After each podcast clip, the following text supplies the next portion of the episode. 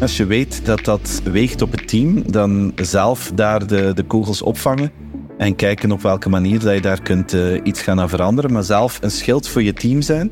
Want anders heb je kans dat iemand ja, heel ongelukkig gaat worden in hun job en dan straalt dat af op al de rest. En dat moeten we natuurlijk gaan vermijden. De leiders en professionals van Nederland helpen nog beter te worden in hun werk. Dames en heren, dit is Denk Denk, de podcast van Denkproducties. En vandaag hebben wij een gast die live in de studio in Knesselaren zit, namelijk Steven van Bellegem. Steven, welkom bij de podcast. Dag Hans, dag Hans. Fijn om jou te zien en bedankt voor de uitnodiging. Ik ben altijd blij om samen met jou te kunnen praten. We gaan wel iets spannends doen, Steven. Want wij gaan voor het eerst praten over jouw nieuwe boek, dat nog niet klaar is, dat nog in uh, productie zit. Wij hebben voor de kijkers heb ik een soort van ja, dummy cover, maar het is een, uh, een printscreentje van bol.com. Ja, dat heb ik zelf nog niet bij mij. Ik merk het, achter mij staat nog mijn oude cover zelfs. Ben, uh, ik moet dringend mijn interieur hier veranderen. Precies, precies. Maar daar gaan we zo meteen heel veel over praten. dat boek heet De Ruwe Diamant, ofwel The Diamond in the Rough.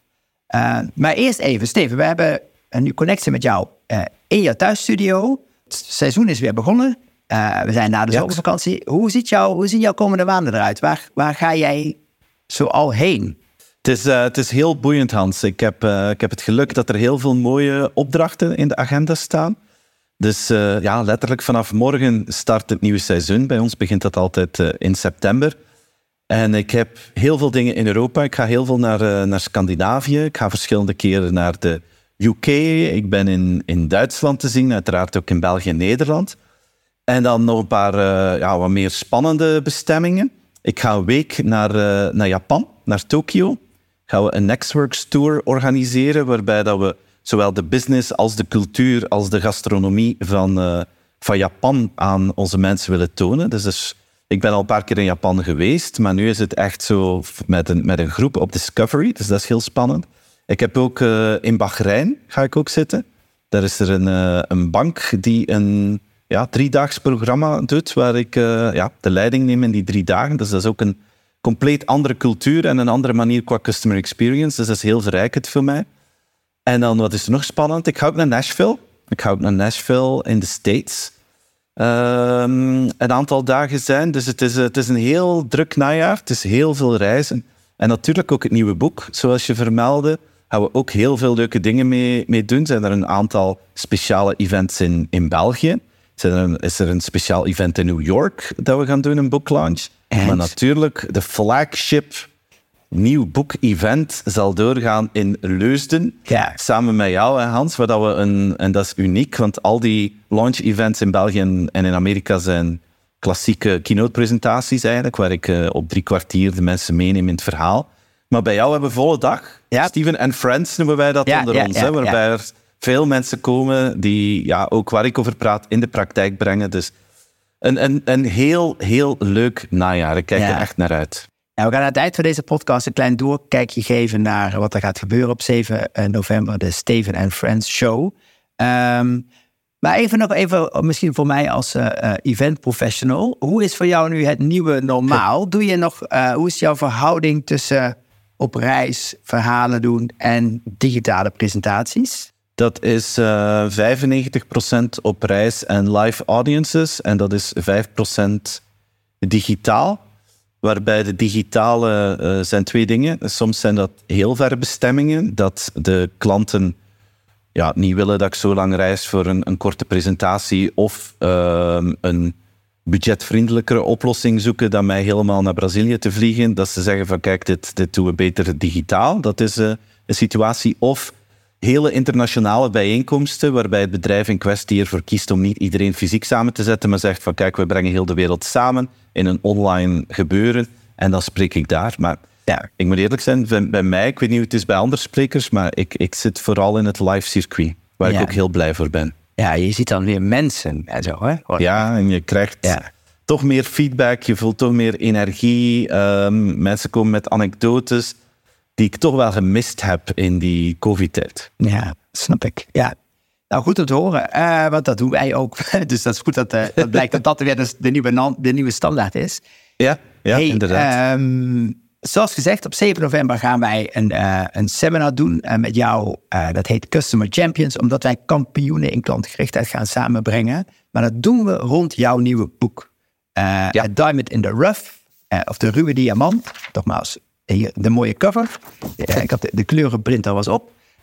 Um, even een vraag. Hè? Je hebt natuurlijk heel veel boeken geschreven. Boeken over customer experience, over digitalisering. Je hebt zelfs twee romans geschreven. In hoeverre is dit boek anders dan je andere boeken? Ik vind dit helemaal anders. Als je, als je kijkt, bijvoorbeeld Customers the Day After Tomorrow, 2017 uitgekomen, was, is eigenlijk een boek dat nu zou kunnen uitkomen, want dat gaat over artificiële intelligentie en customer experience, uh, waar veel dingen die ik toen over sprak nu aan het gebeuren zijn. Uh, het Offer You Can't Refuse, vorige boek, was meer een, een strategieboek van hoe kan je nu echt een, een eigentijdse klantenstrategie gaan maken. En ik heb heel veel bedrijven enthousiast gemaakt om klantgerichter te gaan werken. En heel veel bedrijven willen dat ook. Maar wat ik gemerkt heb de voorbije jaren, um, is dat de intentie er wel is, het verlangen er is om klantgerichter te zijn, maar dat het in de praktijk vaak heel moeilijk is voor die bedrijven om het te doen. En dat is wat ik nu eigenlijk met de Ruwe Diamant wil realiseren. Dit is meer een hoe-boek. Dit is niet van kijk eens, het is echt belangrijk dat je dit doet. Het is een boek waarbij ik mensen bijna aan de hand wil nemen en hen concrete tips geven, concrete modellen, concrete guidelines om die ideeën ook echt in hun organisatie, in de praktijk te gaan, uh, te gaan brengen. En, en daarom ook die titel De Ruwe Diamant. Uh, de voorbije twintig jaar heb ik heel veel bedrijven gezien. Uh, altijd rond die klantgerichtheid. Iedereen had altijd die positieve intenties, maar zoals ik zei, de meeste slagen er niet in om ze allemaal waar te maken. En de meeste bedrijven zijn eigenlijk, wat mij betreft, op vlak van klantgerichtheid ruwe diamanten, die we nu moeten polijsten, die we nu moeten bijschaven, die we mooi helder moeten maken, om er die stralende klantgerichte diamant van te gaan maken. Ja, precies. Je hebt meteen mooi de titel uh, verklaard. Er staat een hele mooie subtitel boven, waarvan ik al meteen denk, dit is goed voor de boekverkoop. maar je moet het toch wel even waarmaken. Er staat op meer dan 100 concrete tips om een sterke klantcultuur uit te bouwen. Ja. Er zijn echt 100 tips in. Er staan 102 tips in. Ja, oké, meer dan 100. Ja, heel goed. Je bent juridisch helemaal afgedekt. Ja, uh, ja en ze zijn zo per hoofdstuk ver, uh, verdeeld. Maar ik heb ze echt heel concreet proberen maken, omdat mijn hoofdstukken zijn natuurlijk ja, een beetje een concept, een verhaal van hoe het bedrijf het doet. Maar ik merk dat, dat niet iedereen dat naar zichzelf kan vertalen.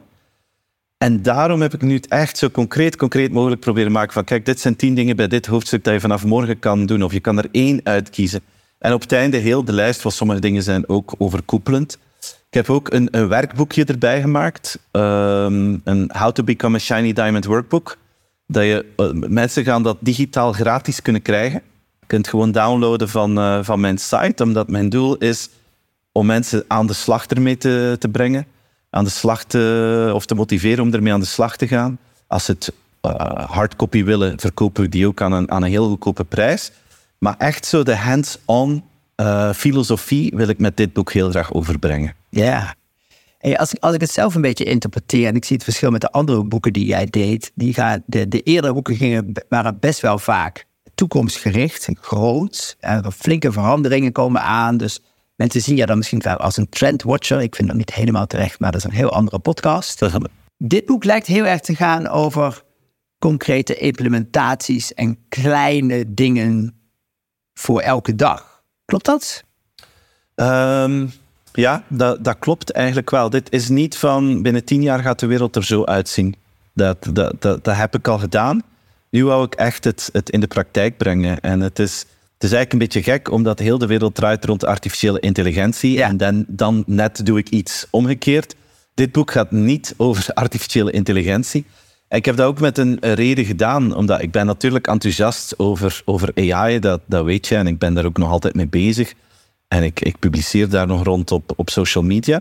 Maar wat ik wel gemerkt heb de voorbije 15 jaar, heb ik veel boeken over technologie en, CX geschreven. In het begin zijn mensen daar altijd enthousiast over. Maar heel snel wordt het iets gewoons. Neem bijvoorbeeld Netflix. In het begin dat Netflix komt, zeggen we van oh, we moeten niet meer naar de, naar de videotheek. We hebben hier dit ruime aanbod. Het is fantastisch, fenomenaal. Na een tijdje ben je dat heel normaal dat je zo'n bibliotheek hebt. En na een tijdje begin je zelfs te zeggen van goh, die 10 euro per maand, of hoeveel kost het Netflix? Die 10 euro per maand, ik vind dat toch best duur. Ik heb eens gekeken naar Hans, ik heb zo nog twee lades onder onze televisie met dvd's zitten. Ja. En ik heb dat uitgerekend. Die dvd's zijn, hebben een totale value van 6000 euro. Ja. Dus dat zijn 600 maanden Netflix, eigenlijk. hè. Ja. Dus 50 jaar, zoiets. Het 50 Ja. jaar Netflix zit in die twee lades. Maar die 10 euro voor Netflix beginnen we duur te vinden. Dus het toont hoe dat we gaan van wauw naar beginnen klagen over iets dat we twee maanden ervoor nog wauw vonden. En hetzelfde heb je nu met alles van generative AI. Super cool, super leuk. Bedrijven moeten dat vooral doen. Ik ga hen daar ook voor motiveren. Ik ben daar razend enthousiast over. Ik zie het belang en de mogelijkheden. Maar ik denk ook binnen vijf jaar gaan de goede bedrijven alles van generative AI in gang gestoken hebben. Sommigen gaan dat niet gedaan hebben, zitten in de moeilijkheden. Maar het gaat niet de differentiator zijn. De differentiator zal de cultuur zijn in jouw organisatie of die al dan niet klantgericht is. Omdat dat iets is wat we nooit saai vinden. Dat is nooit iets wat we gewoon vinden, omdat het vandaag de dag nog altijd heel uitzonderlijk is om een bedrijf te vinden dat echt klantgericht werkt. Ja. Dus daar zit de differentiatie. En net daarom wil ik graag een boek brengen dat de mensen daarvan het belang aantoont om ook daarin te gaan investeren. ja. Dus het gaat niet zozeer over product of technologie, maar het gaat echt over cultuur. Dit. Ja, wel, het gaat, zitten eigenlijk twee grote delen in. Eh, ik heb die metafoor van die ruwe diamant gebruikt. Dus als je van een ruwe diamant naar een juweel wil, dan is de eerste stap die, die diamant helder maken. Dat, die, dat alle lelijke dingetjes aan de binnenkant eruit zijn. En dat is een van de dingen dat ik over spreek in het boek. De grootste barrière die ik zie waarom iemand niet klantgericht wordt, is omwille van het heel eenvoudige feit dat de medewerkers de leiders niet geloven. De leiders zijn niet helder, duidelijk genoeg naar medewerkers wat zij bedoelen met die klantgerichtheid, of ze menen het ook heel gewoon niet. Dus er is, ik, ik word soms uitgenodigd dat bedrijfsleiders zeggen van Steven, help ons eens de mensen te overtuigen dat we klantgericht moeten werken. En eigenlijk is dat de foute aanpak. Je moet ze niet overtuigen, je moet zorgen dat ze jou geloven. En dat gebeurt door hele kleine dingen die je als leider doet. Ah, dus dat is een van de zaken dat ik over praat. Het tweede deel gaat over het polijsten van de, van de diamant en bijslijpen. Daar werk ik met nieuwe concepten zoals effectieve empathie. is iets wat ik heel boeiend vind. Omdat in elke presentatie, Hans, op het Amsterdam Business Forum vorige jaren eh, komt bijna het woord empathie voor. Eh, It's all about empathy. En we snappen dat, maar in de zakelijke wereld vind ik dat toch vrij vaag. hè. Wat, be- wat betekent dat dan precies? Vandaar dat ik nu speel met het idee effectieve empathie. Ik heb dat heel concreet gemaakt in het boek. Wat betekent dat, effectieve empathie? Dat betekent snelle feedback loops hebben, zodat er snel informatie van die markt tot bij jou komt. Real time, liefst. En daarnaast snelle action loops. Zodanig dat je dingen die je ziet in de feedback bijna dezelfde dag of in dezelfde week actie onderneemt. Wat zie ik bij heel veel bedrijven? Ze hebben die data vaak wel, maar ze hebben niet die snelle action loops. Ze hebben slow action loops. Maar ze bekijken die data, ze maken daar heel complexe dingen van. Maken daar powerpoints van, gaan daar echt diep over nadenken van wat betekent dit nu? Terwijl dat de oplossing soms heel eenvoudig kan zijn.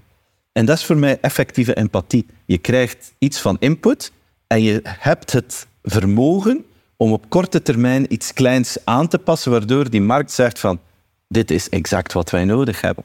Ja. Dus het zijn, het zijn dat soort eigenlijk concepten die, al, die mensen misschien al gehoord hebben, maar die ik nu eigenlijk probeer te vertalen van hoe gaan we dat nu zo concreet mogelijk gaan aanpakken. Ja, dus snel signaleren en snel handelen. Dat is eigenlijk Ja, het. een van de elementen die erbij hoort. Eén hoofdstuk, effectieve empathie. Nou klinkt dit natuurlijk ook heel erg, eh, ja, de, hè, dat moet iedereen toch doen. En toch is het lastig. Laat ik naar de positieve, ik kan vragen waarom lukt het niet, maar, dat, maar laten we eens even aan de positieve kant kijken. Welk bedrijf, dat op in jouw boek wellicht voorbij komt, doet dit nou heel goed? En hoe doen ze dat dan? Een bedrijf dat, dat ik leren kennen heb via mijn familie in Amerika, Wild Alaskan Company. Dat is, dat is een fantastisch verhaal. Dat is een, een, een gezin uit Alaska die heel hun leven opgegroeid is als vissers. En die eten daar verse heilboot, verse zalm, heerlijk. En die mensen gingen voor het eerst op reis naar New York.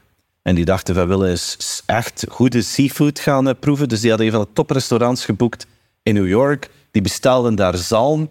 En die dachten van, dit, dit, is, ja, dit is vreselijk. Hè? Dit is below elke quality standard die wij hebben, dit, dit, en dit is zo gezegd goed. Dus die deden research en wat blijkt, dat heel veel van de zalm uit Alaska, die wordt geëxporteerd naar Azië.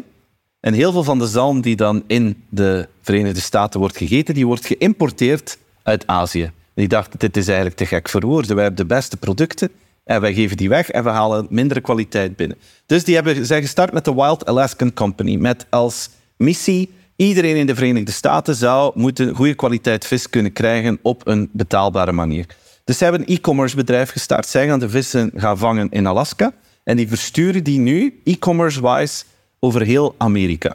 Wat logistiek al een uitdaging is, hè? want het gaat, het gaat niet over een boek of zoiets, het gaat over een vers product dat koud moet bewaard worden. Dat is allemaal opgelost. Maar wat heel mooi is, is hun onwaarschijnlijke flexibiliteit en loyaliteit naar hun klanten toe. Dus bij heel veel bedrijven moet je eerst tien keer iets kopen. Ja, tien keer zalm kopen, Hans, en dan krijg je de elfde keer een, uh, een heilbotje erbij. Als je weer zalm koopt. Wat doen zij? Vanaf dag één krijg je verrassingen.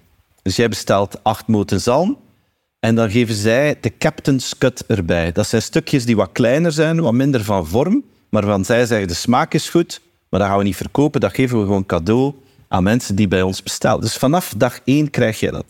Je neemt een, een ander voorbeeld, hè. je neemt een abonnement bij hen voor wekelijks, maandelijks, bepaalde hoeveelheid vis.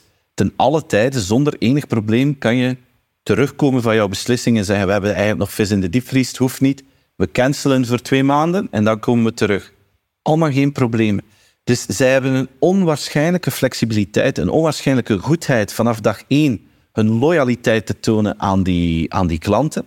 En zij zijn daar waanzinnig, waanzinnig populair mee. Ja. En dat, dat klinkt ook weer eenvoudig, hè, maar wij doen dat dus... Wij, heel veel bedrijven doen dat omgekeerd. Hè. Die, die denken, eerst moet de klant trouw tonen aan ons Mhm. en dan gaan wij misschien ooit eens iets extra doen. Ja. Zij zeggen, wij gaan vanaf dag één onze loyaliteit tonen aan de klant door iets extra te doen, al meteen bij de eerste bestelling. En meteen dat wauw-effect daar te krijgen. Het is een heel andere insteek. Klassieke marketing zegt, loyaliteit start bij de klant. Mijn filosofie, mijn filosofie is, loyaliteit start bij het bedrijf. En het gevolg is loyaliteit van de klant, niet omgekeerd. Ja, precies. Ja, fantastisch. En dat doen ze dus ook nog bij een heel moeilijk product. Ik bedoel, het is heel makkelijk Ja. om te doen bij hoofdtelefoons en eh, mobiele telefoons, want die kun je makkelijk eh, opslaan. Maar met superverse producten van de hoogste kwaliteit is er nog even een extra uitdaging om dat goed te houden. Ja. Nou, fantastisch. En jij zegt dus eigenlijk, naar klantloyaliteit, dat moet je, dat moet je eigenlijk niet vragen. Dat krijg je als je, als je zelf fan bent van je eigen klant en loyaal Ja. bent aan je eigen klant. Ja, ik werk zo met, eh, met drie vragen, Hans, eh, aan, aan leiders. Omdat veel mensen zeggen van, ja, hoe, allee, ben ik nu klantgericht of niet? En er zijn drie simpele vragen die je kan, kan stellen aan jezelf. En, en de eerste is van, wat doe ik als er een tegengesteld belang is? Een, een, ja, een oneenigheid waarbij het belang van de klant anders is dan het belang van, van jij als, eh, als ondernemer of als verkoper. Ben jij bereid om op korte termijn pijn te lijden en dus iets op jou te nemen, zelfs al vind je dat misschien oneerlijk, om op lange termijn vertrouwen te gaan, eh, te gaan winnen? Kan je dat mentaal aan of niet? Dat is een eerste vraag. Een tweede vraag is, als er iets fout gaat, is jouw mentaliteit, we gaan dat oplossen en daarna gaan we praten om te zien hoe we het vermijden? Of zeg je, nee, nee, we moeten eerst alles tot in detail uitzoeken of het wel nodig is dat Ja. wij het gaan oplossen? Ja, dus de always fix it mentality is die klantgerichtheid. En de derde vraag is van, ben je bereid om je medewerkers voldoende autoriteit en vertrouwen te geven dat zij zelf kunnen beslissingen nemen in functie van het voordeel van de klant, zonder dat ze toestemming moeten vragen aan de baas en zonder dat ze schrik hebben dat ze onder hun voeten gaan krijgen als ze daar te ver in zijn gegaan. Moedig je dat aan? Dat is de derde vraag. En het zijn, het zijn dat soort kleine dingen, hè, dat soort eh, vragen en het antwoord daarop, die, ik noem dat microbeslissingen, microcommunicatie, die dagelijks op de werkvloer al dan niet gebeurt, die eigenlijk bepaalt of mensen jou gaan geloven en die bepalen of je erin zal slagen om zo'n shiny diamond te gaan worden. Ja, ja. Klopt het dat er een Nederlands verzekeringsbedrijf is, ik heb niet helemaal goed, CZ volgens mij, waar iedereen een potje heeft van 1000 euro om gewoon klantproblemen op te lossen? Als het onder de 1000 euro is en het klinkt als goed verhaal, eh, doen. Of zijn er bedrijven die dit soort, hè, hebben die Ja. laatste thema, dat betekent dat je dus je Ja. medewerkers moet empoweren met de hè, de- het vermogen om een oplossing te bedenken. Ja. Maar ook een soort potje budget of vrijheid om het te kunnen doen. Hey, Het verhaal van die verzekeraar ken ik niet, maar het eh, zou een heel mooi verhaal zijn. Het eh, doet mij denken aan Ritz-Carlton, ehm, die ehm, eigenlijk aan hun medewerkers zegt van kijk, wij nodigen jullie uit om al je tijd, al je energie in tevreden klanten te stoppen en indien nodig ook het geld van het, eh, van het bedrijf. En zij mogen problemen tot 2000 dollar gaan zelf oplossen. Ja. Ehm, niet enkel, en dat vind ik wel leuk, niet enkel om te compenseren als er iets fout is gegaan, maar ook random acts of kindness. Als ze iets horen, iets zien, mogen ze mensen iets geven dat daarin past. Ik heb dat zelf meegemaakt. Ik moest een lezing geven in, eh, in Cannes, in de Ritz. En eh, ja, ik had een rookie traveler mistake gemaakt. Ik had mijn oplader voor mijn telefoon niet mee. Dus ik kom daartoe en dat is ja, toch lichte staat van paniek op zo'n moment. Hè. Dat kan je je inbeelden. En ik ga naar, de, naar het onthalen en ik vertel dat. En ik dacht, ze gaan zeggen van, weet je wel, laat je telefoon hier liggen. Wij zullen hem eh, opladen. Of we hebben misschien in het beste geval een oplader die we mogen gebruiken. En die meneer vroeg van, eh, ja, wanneer, wanneer heb je telefoon nodig? Ja, ik zeg, ja, natuurlijk heel de tijd. Hij zegt van, kijk, ehm, laat hem hier al eventjes op, op onze opladers. Maar kom binnen een uurtje terug en wij gaan, we gaan kijken wat dat we kunnen doen. Kan je hem een uur missen? Ik zeg, ja, geen probleem.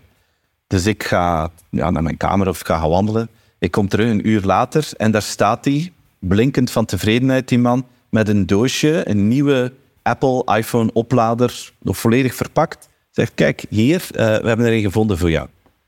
En ik was dan enthousiast en ik zeg, hoe, hebben jullie dat gedaan? Dan zegt hij, er is hier een, eh, een winkel, een Apple Store of een andere winkel, eigenlijk 500 meter verder. En we zijn daar één gaan, eh, gaan kopen voor jou. En ik dacht, ah, dat is fenomenaal. En ik zei, dat is, dat is fantastisch. Ik zeg, komt dat op mijn rekening of betaal ik dat aan jou? Zegt, nee, nee, nee, nee, we hebben gezien dat je echt stressed out was, dat je geen eh, telefooncharger had. This is on the house. We- Ja. Het is een souvenir from your visit here. En ik dacht van, dit is fenomenaal, hè? En eh, ik was razend enthousiast. Ik vertel het verhaal ook overal, staat ook in mijn boek. En dan denk ik van, er zijn zoveel manieren om dat anders te doen. Ze kunnen zeggen tegen mij van, weet je wat, laat hem hierop. En 500 meter verder is een winkel. Als je haast, is die nog open, kun je snel één gaan halen. Ze kunnen één gaan kopen en die 50 euro aan mij aanrekenen. Dat zou ik normaal gevonden hebben. Maar als je nu denkt, die kleine inspanning, die investering van 50 euro, hoe ik nu ambassador geworden ben van de Ritz-Carlton en dat ook overal vertel en daar super enthousiast over ben, ja, dat is de beste return on investment qua, qua be- 50 euro die je ooit kan inbeelden. Ja. Dus het, het zijn dat soort dingen die, die veel organisaties... Weet je, de reden dat ze het niet doen is denken van ja, onze medewerkers gaan dat aan iedereen beginnen geven, dat gaat volledig uit de hand lopen. Maar dat is niet zo. Als je mensen het vertrouwen geeft, daar een context en een kader rond schept, dan krijg je eigenlijk voor 90% enkel maar positieve, enthousiaste verhalen van mensen die dat een onvergetelijk moment vonden. Ja. ja, en misschien niet alleen voor jou, maar ook voor die medewerker. Want het is Ja. natuurlijk heerlijk om iemands verwachtingen te overtreffen. Dat is waar. Dan ga je 's morgens met plezier naar je werk. Je wilt toch positieve energie? Je wil niet heel de tijd geklaag en gezaag horen, maar je wil een glimlach terugkrijgen. Ja, precies. Ja. Mooi man. En, en, inderdaad, en je verwacht het inderdaad misschien wel bij een duur hotel. Maar inderdaad, als het ook bij een, bij een bedrijf is, zoals inderdaad een, een zalmleverancier, dan is het nog een, eh, zelfs een stukje mooier. Ik merk dat mensen Ja, misschien zelfs. hè? Ja, ja. Mensen misschien zelfs een beetje ongemakkelijk voelen om zoiets te moeten acce- of te, te accepteren. Hè? Het is ook als je, het zo, je zo goed geholpen wordt, ah, je moet het even omarmen. En denken, oh ja, ik had inderdaad ook zelf kunnen kopen. Ik wil het best betalen, ik kan het best betalen. Maar gewoon het accepteren is misschien ook nog wel een eh, klein taakje voor de klant. Maar inderdaad, als dat kan, dan voel je je het zelf natuurlijk zo, eh, eh, zo goed geholpen. Ja. Ja. Hey, even, je zei van, als een bedrijf wil daarmee aan de gang. En vaak begint het dan toch bij de baas. Eh, Klantgerichtheid is volgens mij, hebben, hè, we hebben ook al eens regelmatig samengewerkt met Jos Burgers. Zeg maar de, de Nederlandse klantgerichtheidskoning. En eh, het mooie daarvan is, ze zeggen ze altijd, ja, ik ben zelf best wel klantgericht. Ah, als bedrijf, hmm, hmm, hmm. en die collega's van mij, dat is ook nog wel lastig. Dus niemand zegt van zichzelf, als persoon, aan mijn klantgerichtheid schort het nogal. Dan Ja, dat is waar. bewijst dat- Nee, dat is waar. Dus eh, stel je bent dus een, eh, een ondernemer of je zit in een team En dan denk je, nou, ik wil, ik wil dit. Ik wil dat we dit gaan doen. Laten we ervan uitgaan dat je de eindverantwoordelijkheid hebt in een team. Je zei vrij vroeg in het begin, een van de onderdelen uit mijn boek is... dit starten vereist ook een andere manier dan dat mensen denken. Uh, hoe overtuig je mensen om dit te gaan doen? Kun je daar nog iets over vertellen? Ja, het is dus... Ehm, het, het niet overtuigen is het, is het geheim. Het is zorgen dat ze jou geloven. En heel veel bedrijfsleiders hebben heel goede intenties. Ik kom niemand tegen die zegt, mijn bedrijf moet klantonvriendelijk worden of zo. Dat, die heb ik nog niet tegengekomen. Iedereen wil het, maar ze beseffen vaak niet dat hun eigen kleine ja, communicatiemomentjes, kleine actiemomentjes een rem zetten op heel die evolutie. En hoe gaat dat meestal? Um, groots event, uh, bedrijf, of nieuwjaarsbijeenkomst, als het een kleiner bedrijf is, bedrijfsleider die zegt, kijk, hier gaan we voor, dit gaan we doen. En ik wil dat jullie klantgerichter worden. En that's it. Um, en de week nadien is er dan een klein issue'tje ergens tussen een klant en een medewerker. En wordt er negatief gereageerd naar die klant toe en wordt er in self-protection mode gegaan. Van we moeten toch zorgen dat ons dat hier geen 30 euro kost. En dan op dat moment doe je eigenlijk alle inspanningen van dat grote event teniet door die kleine microactie en microcommunicatie. Het zijn dat soort momenten waardoor een medewerker je al dan niet gelooft. Dus naar leiders toe uh, wil ik hen motiveren om echt op de details te letten en heel goed na te denken van hoe reageer ik op bepaalde situaties? Hoe reageer ik naar bepaalde klanten toe? Hoe reageer ik als er een probleem is? En straal ik dan altijd uit, wij kiezen de kant van de klant of ga ik in protectiemodus? En het moment dat je daar op voorhand over nadenkt als leider en heel goed beseft van oké, als ik A zeg, dan krijg ik dat effect, als ik B zeg, krijg ik dat effect, en dat wordt uitvergroot over heel die organisatie, het moment dat je dat beter beseft en beter voorbereidt en beter voor jezelf zelfs oefent of, of over nadenkt, ga je een heel andere situatie gaan, uh, gaan krijgen.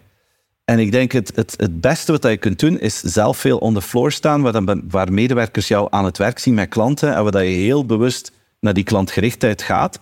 En dat is allemaal heel makkelijk als het goed gaat en vriendelijke klanten zijn. Maar het is het moment als er iemand ontevreden is, al dan niet terecht. Het is het moment als jij zelf iets fout hebt gedaan, hoe dat je reageert. Dat zijn de flagship moments. Die reactie, die communicatie bepaalt het succes van het uitrollen van klantgerichtheid, al dan niet.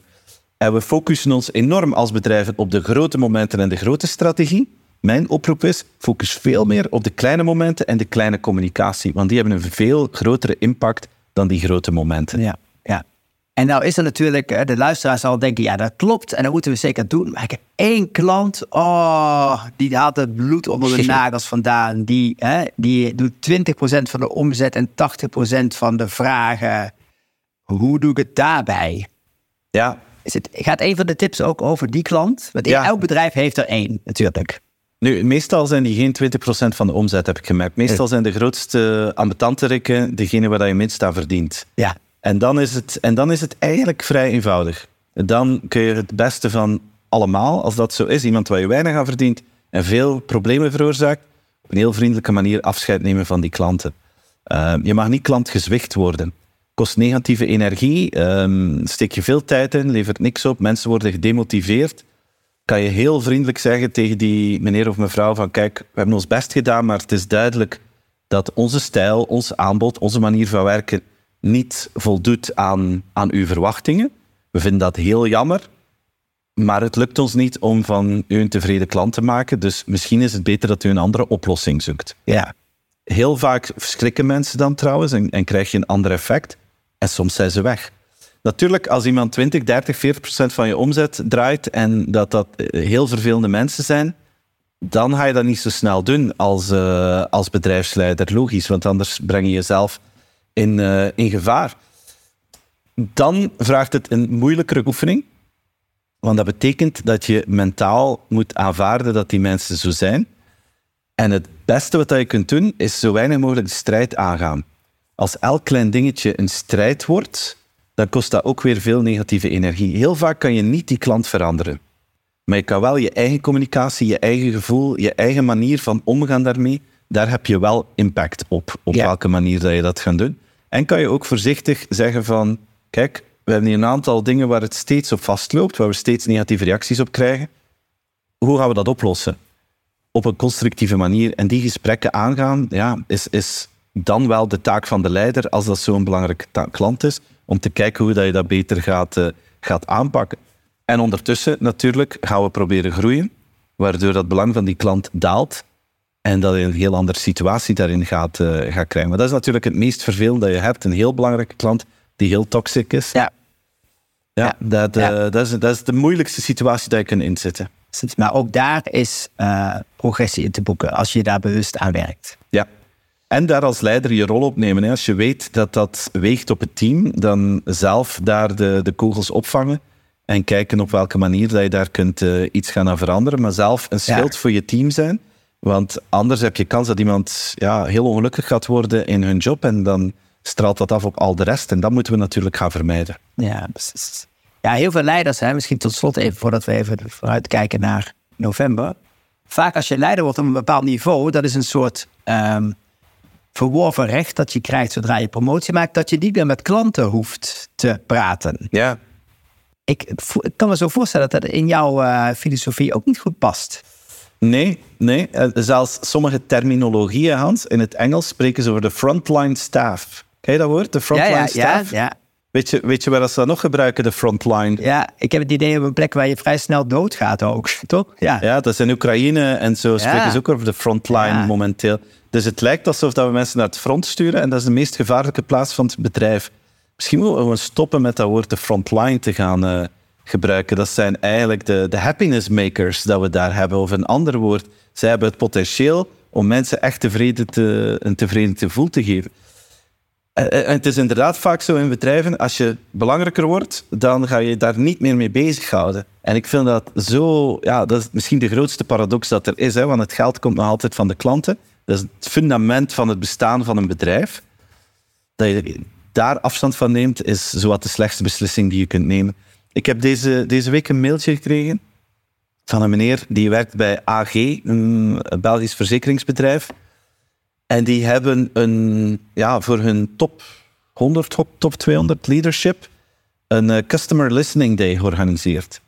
En die werken eigenlijk normaal met uh, makelaars die daartussen zitten. Dus zij hebben normaal geen contact met die eindklant. Een heel veilige positie, hè? enkel de makelaars. Die hebben gezegd van dat is eigenlijk niet goed. Dus zij hebben hun topleiders uh, een volle dag laten bellen, proactief naar klanten. Niet om iets te verkopen, maar eigenlijk te luisteren van vinden jullie van ons? Ja. En wat, wat, wat, wat kunnen wij beter? Wat, wat loopt er goed? En gesprekken van vijf minuten tot, tot twintig minuten. En ze hebben daar die mensen eerst een beetje getraind, want er was daar wel wat weerstand van. Ja, maar als die iets vragen en we hebben geen technische productkennis, allerlei redenen om het niet te doen werden geopperd. Maar ze hebben die mensen de context gegeven, ze hebben die mensen daar wat in getraind, klein beetje gescript, zodat je iets hebt om op terug te vallen.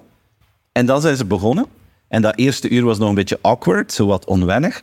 Maar daarna werden dat heel spontane, leuke gesprekken, waar ze heel veel kennis hebben opgedaan op één dag tijd van hun producten, over hun diensten, waarbij dat ze een onwaarschijnlijke boost in empathie hebben gekregen. Maar op het einde van de dag hebben ze ook die medewerkers ondervraagd wat zij daarvan vonden. En dat was een tevredenheidsscore van 8,9 op 10. Ja. Die medewerkers vonden dat eigenlijk superleuk omdat die hadden schrik van klanten, maar wat blijkt, de meerderheid van de klanten zijn heel leuke mensen die eigenlijk heel tevreden zijn. En wij focussen zo op het negatieve vaak van die customers, dat iedereen denkt dat zijn vreselijke wezens. Maar de realiteit is, is, is veel en veel positiever dan dat, het er vaak, uh, dan dat de perceptie leeft. Dus hoe meer van onze senior leaders die we dichter bij die klant kunnen krijgen, wat hun rol dan ook is, hoe meer punten je wint. Daar ben ik van overtuigd. Ja, onze gemeenschappelijke vriend eh, Duncan Wardle had zelfs een verhaal uit Disney dat, dat daar de directie een dag moest meedraaien in een gezin dat het model was van de Disney-bezoeker. Ja, je ziet dan heel andere dingen. Je, ziet, je ontdekt ineens dat mensen willen naar Disney toe. Op het moment dat, ze, dat de kinderen nog dat ze oud genoeg zijn om alles mee te maken. Dat ze niet in een buggy en de helft van de tijd liggen slapen. Maar jong genoeg zijn nog om ervan te genieten. En dat je ze nog bij je hebt. En dat papa en mama nog de held zijn. En, uh, en dat opa en oma nog een keer mee kunnen. Want ja, wie weet niet hoe lang het duurt. En dan hoor je de echte verhalen. Dan ga je niet kijken naar of je nog een rollercoaster kunt maken. Maar dan ga je kijken hoe je de quality time van die familie kunt versterken. Ja, Dus uh, ja, ja, inderdaad. Ja, bedrijven die daar goed in zijn, die, uh, die doen ook andere inzichten op, inderdaad. Dat geloof ik meteen. Volgens mij uh, wordt dit een heel gaaf boek. Is het boek wel al af of ben je nog aan het schrijven? Nee, nee, ik ben niet aan het schrijven. Het is, ik was klaar met schrijven ergens in, in mei. Oké. en dan, ja. je weet hoe dat gaat. Hè. De editing wordt daar nog op losgelaten. Een paar mensen die het op voorhand lezen. Dan gaan we nog wat feedback gaan implementeren. Dat moet vertaald worden naar het Engels ook altijd.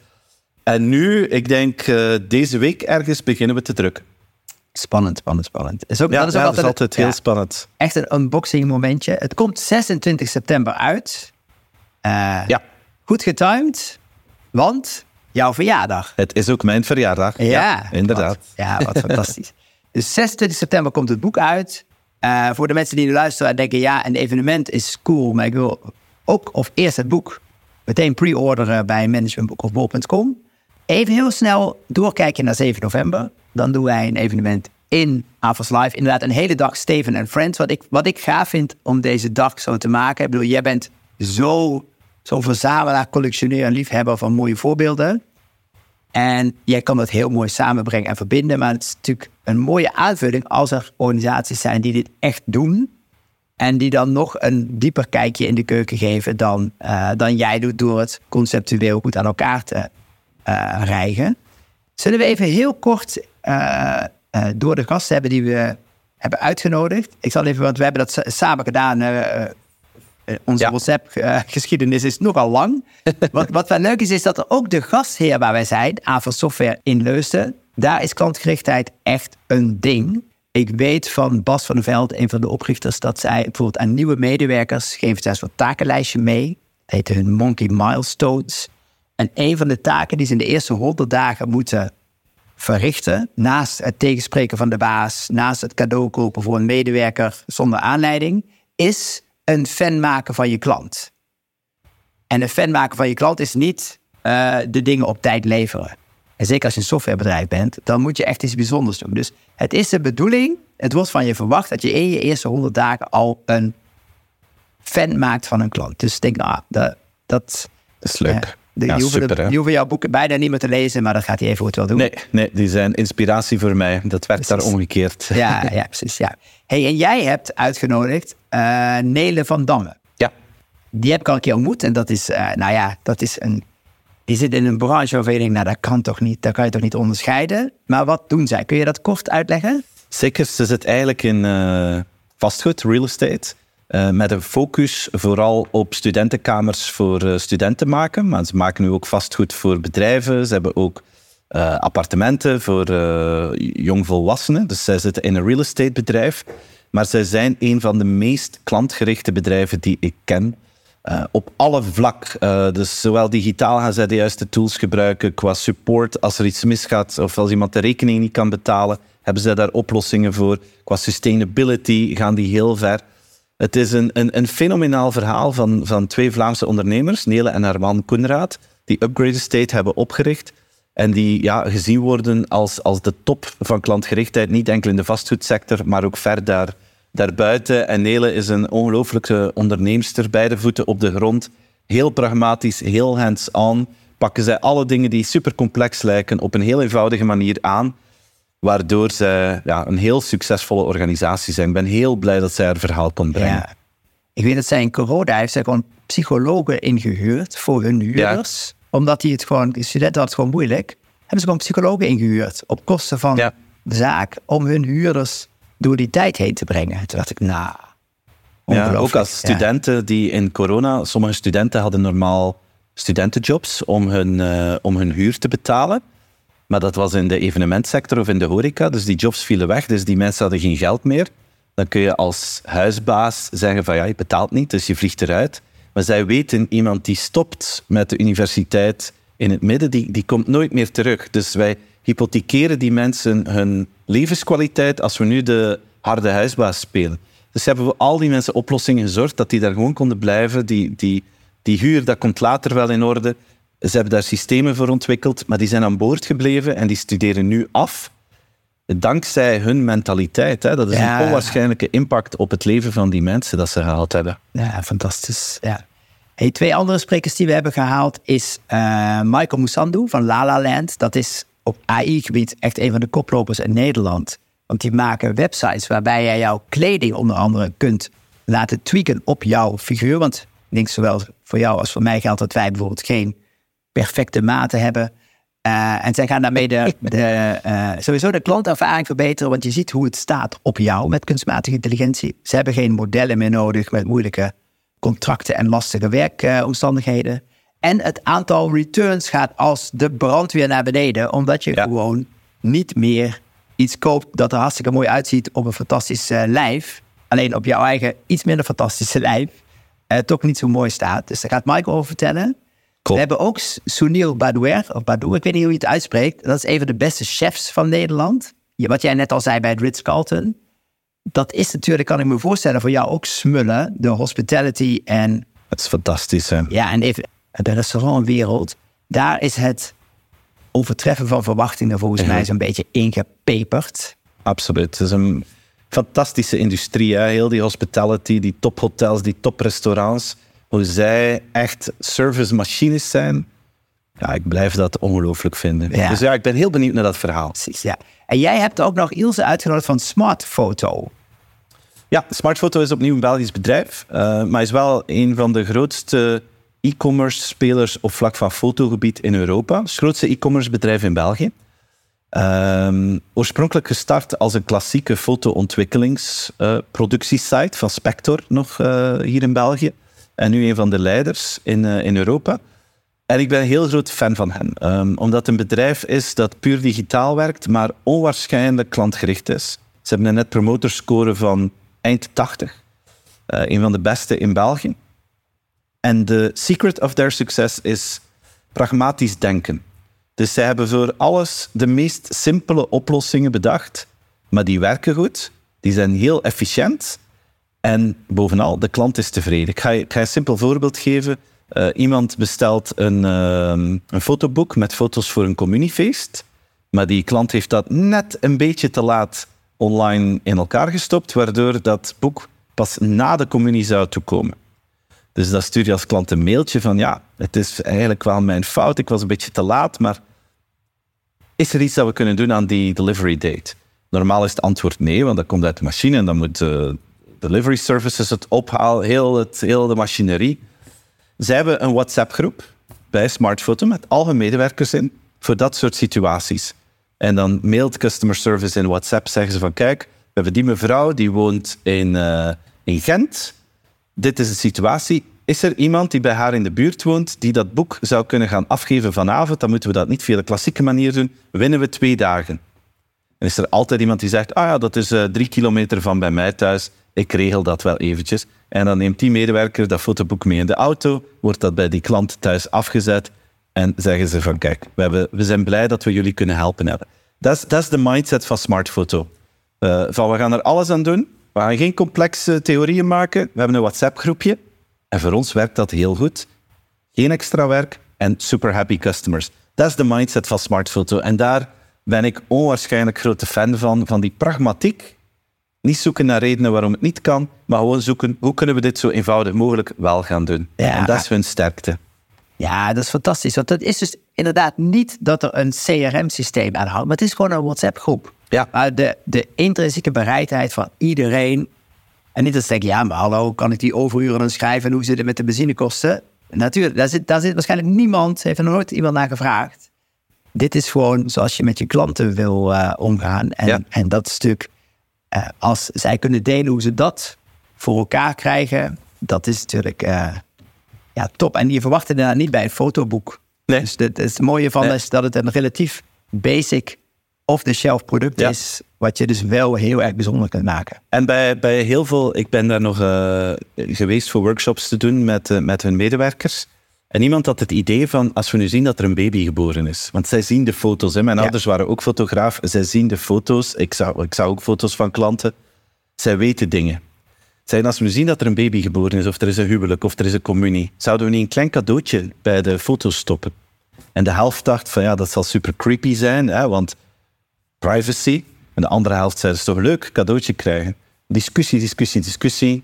Stef, hun CEO, die zei, we kunnen hier nu nog een jaar over praten. We gaan het gewoon proberen. Laat ons drie maanden proberen. Een klein budget voor voorzien. 500 euro, kun je wat cadeautjes mee kopen. En we zien wel. En ze hebben dat gewoon gedaan. Ze hebben gemeten wat is NPS. Wat zagen ze? Mensen die een cadeautje krijgen zijn blijer dan mensen die geen cadeautje krijgen. Van de 100 cadeautjes waren er, hebben ze één klacht gehad van iemand die het vervelend vond. Dus zeggen ze van kijk, de feiten zijn de feiten. Vanaf nu gaan we dat doen. Eh, dat, is, dat is ook hun mindset. Niet blijven leuteren, maar dan het gewoon eens proberen. En dan zien we wel. Ja. leuk bedrijf. Ja, fantastisch. Deze mensen brengen we dus allemaal samen in Leusden op 7 uh, eh, november. Ehm, het goede nieuws is, wat, dat is wel leuk. We hebben dit programma live gezet. We hebben er eigenlijk nog niet zoveel aan gedaan, want het is nu, hè, rond deze tijd gaat het beginnen, ja, voor de zomer niet. maar er gebeurt gewoon, er, er, komen al gewoon mensen die uh, hun stoel claimen hiervoor. Ze houden jou of ons in de gaten. En dit is natuurlijk ook een heel mooi uh, thema voor een dag, want dit wordt natuurlijk alleen maar uh, het mooie is als je mooie positieve verhalen kan delen. Dat is natuurlijk lekker om, uh, om ook in de zaal te zitten. Dus we hebben hier veel zin in. We gaan de komende tijd, denk ik, uh, veel met elkaar sparren over de indeling en de blokjes. Maar dat wij hier veel content hebben om te delen, dat is nu wel duidelijk.